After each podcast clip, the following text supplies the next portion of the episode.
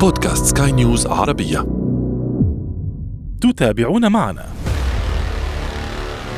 مثلا بتلاقي أنت في أوروبا بيرفعوا من مستوى الأمان في السيارة انه عشان تسجل في الاتحاد الأوروبي. الكوريين مثلا السيارة اسمها في منطقة الشرق الأوسط تختلف عن اسمها في كوريا وعن أمريكا. لما تجيب سيارة من برا ممكن ما يكون في حدا أو جهة رسمية تعطيك هاي التحديثات وتعطيك هاي ال software. محركات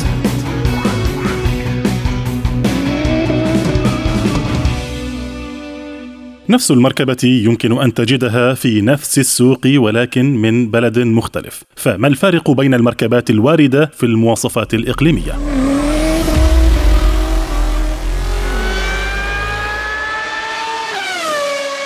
أهلا بكم أنا أشرف فارس وأصحابكم في حلقة جديدة من برنامج محركات حيث نهتم بتقوية ثقافة المركبات لديكم. عندما تذهب لشراء مركبة مستعملة ربما يمكن أن تقع في حيرة من امرك لو دخلت إلى سوق المعارض خاصة في الأسواق الكبيرة التي تستقبل مركبات من كل بلدان العالم. في هذه الأسواق ستجد نفس المركبة بنفس الموديل وربما نفس الاسم كذلك لكن مع فارق واضح في السعر. وعندما تسأل لماذا يقول لك هذه وارد من اليابان وتلك من أوروبا وتلك من الولايات المتحدة وهذه مواصفات خليجية. البعض يمكن أن يختار الخيار الأرخص البعض الآخر يمكن أن يبتعد مباشرة عن ذات الخيار الأرخص.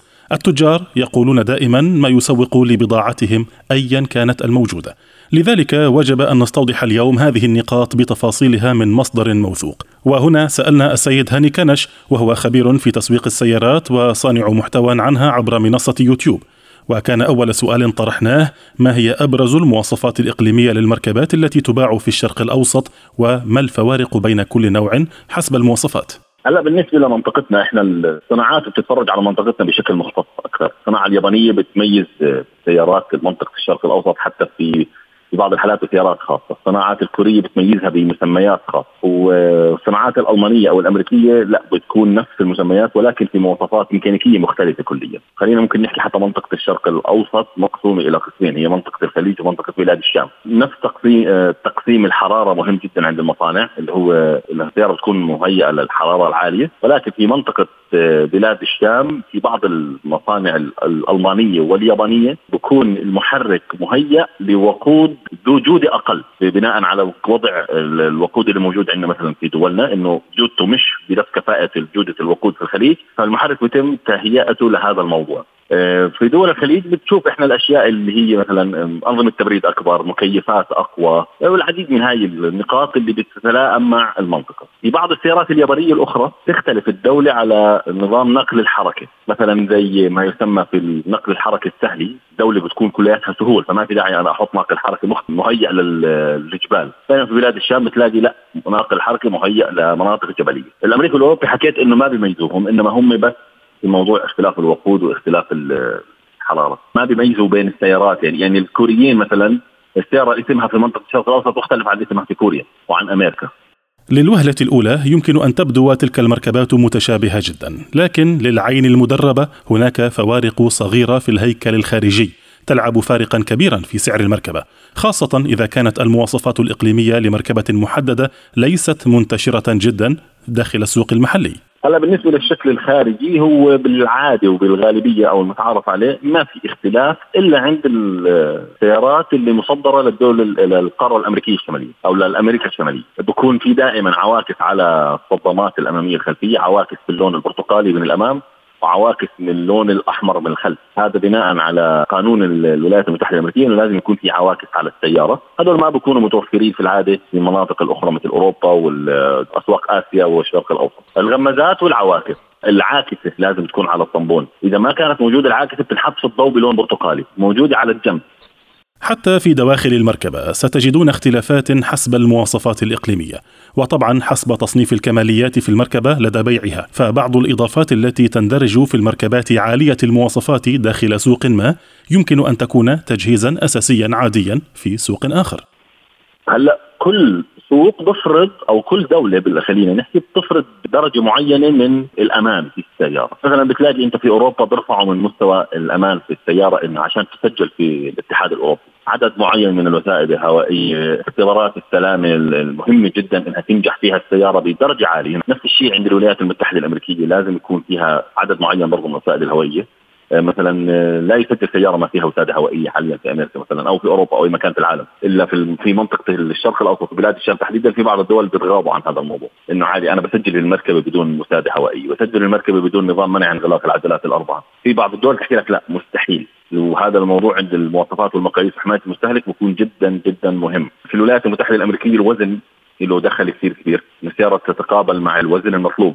فبنشوف مرات بعض الحالات نفس السيارة الوارد الأمريكي بتكون أثقل. والوارد الأوروبي مثلا بتكون أخف وزنا أو وارد الشرق الاوسط أخف وزنا. فهاي برضه بتكون بنسبة النظر الولايات المتحدة الامريكيه إنه لها من عوامل السلامه إنه السيارة تتوافق مع الوزن هذا. يعني مثلا إذا أنت فتحت باب سيارة وارد أمريكي شفت مثلا في عمود زيادة فيها هذا بكون موجود هو لزيادة الوزن في السيارة. مثلا عشان تتقابل زي ما حكينا في نقطة الوزن تبعت الولايات المتحدة الأمريكية. طبعا ممكن يكون لها دخل في أمان زايد إنه في محور أو في عمود في الباب في حال الاصطدام بمتص الصدمات أكثر. بس هو عند موضوع السلامة لما تصير في اختبارات السلامة السيارة بتأخذ درجة معينة من ال... في الاختبار بتكون شاملة كل شيء. يعني إذا السيارة حطيت فيها العمود أو لا وجابت أربع نجوم هي أربع نجوم. في اختلافات في بعض السيارات اللي بتكون مكشوفة. في بعض في بعض السيارات فرضت الولايات المتحدة لأنه مثلا يكون عليها زي اقواس خلف المقاعد. عشان السيارة في حالة الانقلاب ما تأثر فيها السائق والراكب، حتى في بعض الحالات بعض الشركات المصنعة صاروا يعملوا موديلات سيارات خاصة فيها وصارت تنتجها بشكل انتاجي كبير. كان الهدف بالأساس هو إنه بناء سيارة للولايات المتحدة الأمريكية، مثل بورشة 911 تارجا أول ما صنع تم صنعها صنعت للولايات المتحدة الأمريكية على أساس إنها تدخل سيارة مكشوفة ويكون في عندنا القوس اللي خلف المقاعد. كان في حال انقلاب السيارة وظلت هاي السيارة تنصنع حتى هذا اليوم تحت مسمى تارجا فكانت في البداية هي عشان تدخل السوق الأمريكي ولكن بورش خلص خلتها لكل الاسواق هلا اعتبرتها كشكل أو فئة معينة من ال 911 هلا من ناحية داخلية السيارة هو ما في اختلاف في المواد. اللي بنحكي اللي مستخدمة. يعني خلص المصنع لما يتم صناعة سيارة لأكثر من سوق بيستخدم داخلية المواد اللي بالداخل بس ممكن يختلف عندنا بعض الأشياء اللي بتتميز أو بتميز السيارة. مثلا ممكن يختلف التخشيب بالسيارة الداخلي يكون في سوق مش موجود في السوق الثاني. على سبيل المثال هذه حالات نادرة جدا. الاختلاف بيكون ممكن في الإلكترونيات في العداد العداد بالميل أو بالكيلومتر. الاختلاف ممكن في اللغات اللي موجودة داخل نظام الترفيه. منطقه الشرق الأوسط راح يكون فيها لغة عربية، الولايات المتحدة الأمريكية ما راح يكون فيها لغة عربية على سبيل المثال، اختلاف ممكن يكون في الراديو، في اليابان الراديو قصير المدى، ما بوصل لترددات زي اللي موجود عندنا، في في أمريكا ما في ترددات ذات عدد زوجي، فكل الترددات ذات عدد فردي، هلا في ناس يعني مثلا إحنا عندنا في الأردن الإذاعات صارت تتوفر تردداتها ضمن زوجي وفردي لأنه صار في سيارات وارد أمريكي كثير، فبدهم يخلوا الناس تسمع، فبتلاقي الإذاعة عندها تردد زوجي وفردي. تسمع، فأنت السوق يتطور بناء على شو السيارات عم بتكون تكون موجودة. وهي نقطة بتفرجيك أهمية هاي أو قوة هذا السوق إنه خلص زادت السيارات الأمريكية في الأردن الإذاعات تاقلمت معها. مش اجى واحد يحاول يغير الراديوهات. أما من ناحية الجلد هذا يختلف جودته عن هذا الجلد؟ لا. الشكل راح يختلف؟ لا. ممكن يختلف معك steering يمين أو شمال. تابلو بيختلف أكيد. الأزرار الشبابيك راح تختلف أكيد. كما يقول خبراء المركبات والتجار كل ما ذكرناه منذ قليل حديد في حديد. أي أنها ليست أكثر من زوائد. لذلك نترك القشور ونغوص الآن فيما هو مفيد الفوارق الميكانيكية. فهذه هي الأساس في كل مركبة وهذه أيضا يمكن أن تبخس حق مركبة عظيمة أو أن تعلو بشأن مركبة أقل من عادية. توافر القطع الميكانيكية في السوق هو الفيصل. هاي هي أهم نقطة في اختلاف السيارات مع اختلاف الأسواق.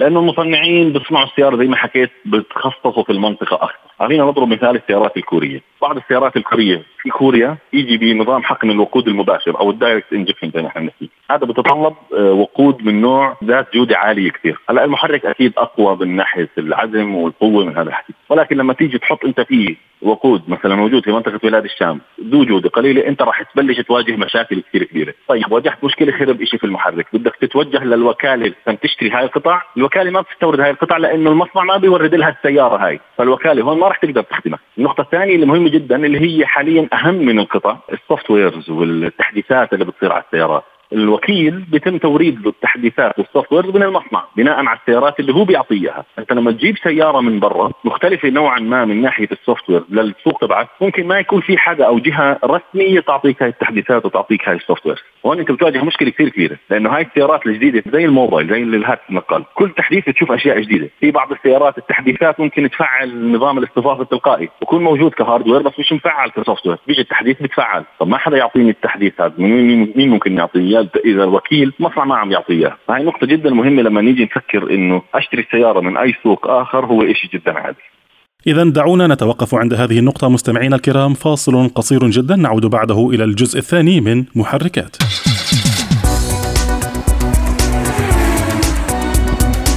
في الجزء الأول تحدثنا عن أبرز الفوارق في المظهر والجوهر بين المركبات حسب المواصفات الإقليمية، لكن هناك تفاصيل كذلك يمكن أن تصنع فارقا بشكل جذري.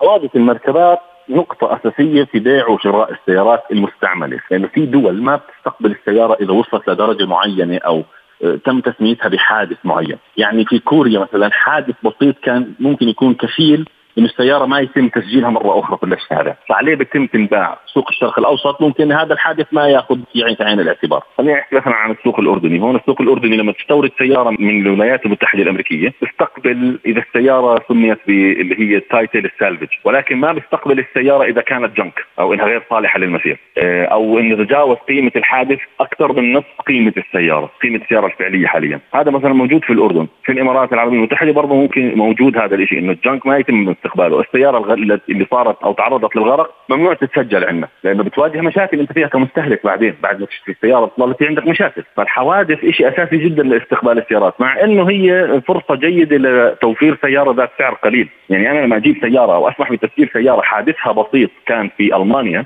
واخليها تتسجل هون في الأردن بصير مثلا في الأردن سعرها جيد جدا للمستهلك إنه يركب هاي السيارة بدل ما يركبها جديدة أو مستعملة بسعر عالي، فمشان هيك الدول ما بتقدر تمنع إنه نهائي ما تسجل سيارة صار عليها حوادث، إنما بتحط عليها شروط وقيود.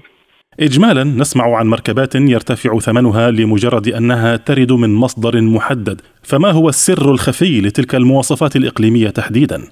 موضوع اختلاف سعر المركبات بناء على من وين بيتم استيرادها بيختلف بناء على الوكلاء اللي موجودين هناك. يعني مثلا العديد من الناس في منطقة الشرق الأوسط بيحبوا يستوردوا سيارة ألمانية وارد اليابان مع إنها في steering شمال ما في steering يمين يستوردوها لسبب إنه بيجوا بيحكوا الوكلاء هناك بيجيبوها بإضافات مميزة خصوصا في إضافات تكون مميزة من الألمان للسوق الياباني. مثلا في عندنا في الأردن عرف كان متعارف عليه زمان إنه ما تشتري السيارة الوارد المانيا كثير لأنه بحطوا ملح على الشوارع والملح بيخلي الحديد يفضي. وهي حقيقة. طبعا لما تصير السيارة آه، تصير الأجواء ثلج وشغلات زي هيك برشوا ملح على الشوارع. على سبيل المثال موضوع المشي داخل الدولة نفسها. مثلا لما بتستورد سياره وارد خليجي. الناس بتحب وارد الكويت أكثر مما يكون وارد السعودية. ليش؟ يحكي لك الكويت دولة صغيرة فالسيارة أكيد ما راح تقطع مسافات. بينما في السعودية السعودية دولة كثير كبيرة. أقل مشوار للسيارة راح يكون في مسافات كثير كبيرة، فأنا بفضل أشتري سيارة وارد كويتي، أنا متأكد من إنه عدادها راح يكون قليل لأنه الكويت ما فيها مسافات كثير كبيرة. على سبيل المثال ألمانيا في ناس بتحب تشتري وارد ألماني. بحكي لك لأنه المحرك بضل شغال صحيح، كيف يعني؟ لما السيارة أنت تسرع فيها لأنه الالمان يعشقون السرعة والسرعة مفتوحة عندهم على شوارعهم الرئيسيه، لما السيارة تضلك أنت تمشي فيها بسرعات عالية وتمشي فيها بهذه السرعة المحرك بضل يشتغل بكفاءة، أفضل مما إنك أنت تضل تمشي شوي شوي بالسيارة لأنه هذا المحرك ممكن يجمع كربون مع المشي الخفيف، بينما في ناس بحكي لك أنا ما بدي السيارة يكون تم استخدامها كسيارة رياضية مثلا تكون ماشي 500 كيلو 600 كيلو على حلبات، هون بكون استهلاكها أعلى، فهي أنا بشوف هذا الموضوع بصراحة هو رأي أذواق شخصية بين الناس. أنا عن نفسي مثلا بحب الوارد الياباني. في غيري مثلا بحب الوارد الألماني. في شخص يحكي لك أنا بحب الوارد الأمريكي سعره أقل. وما أنا ممكن أشوف السيارة إذا عداد السرعة بالمايل انها جاي من أمريكا هذا كافي إني ما أشتريها صراحة. خلص أنا ما بحب أشوف العداد في المايل واقعد أحكي بيني وبين حالي كم هاي وكم ماشي أنا هون. خلص بدي عداد في الكيلو بس. فأنا بشوف هذا الموضوع كله بالأخير أذواق بعد موضوع توفر القطع وال software وكل هاي الأشياء المهمة. محركات.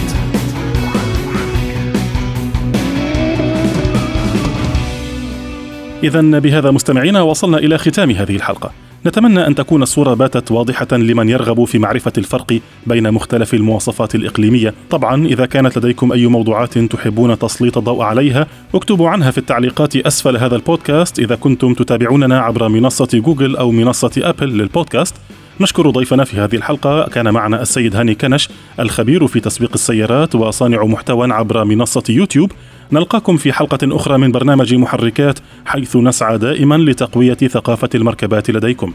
صحبتكم في هذه الحلقة إعدادا وتقديما. محدثكم أنا أشرف فارس وكان معي في الإخراج الفني آدي طبيب. دمتم دائما وأبدا. في أمان الله. مع السلامة. محركات.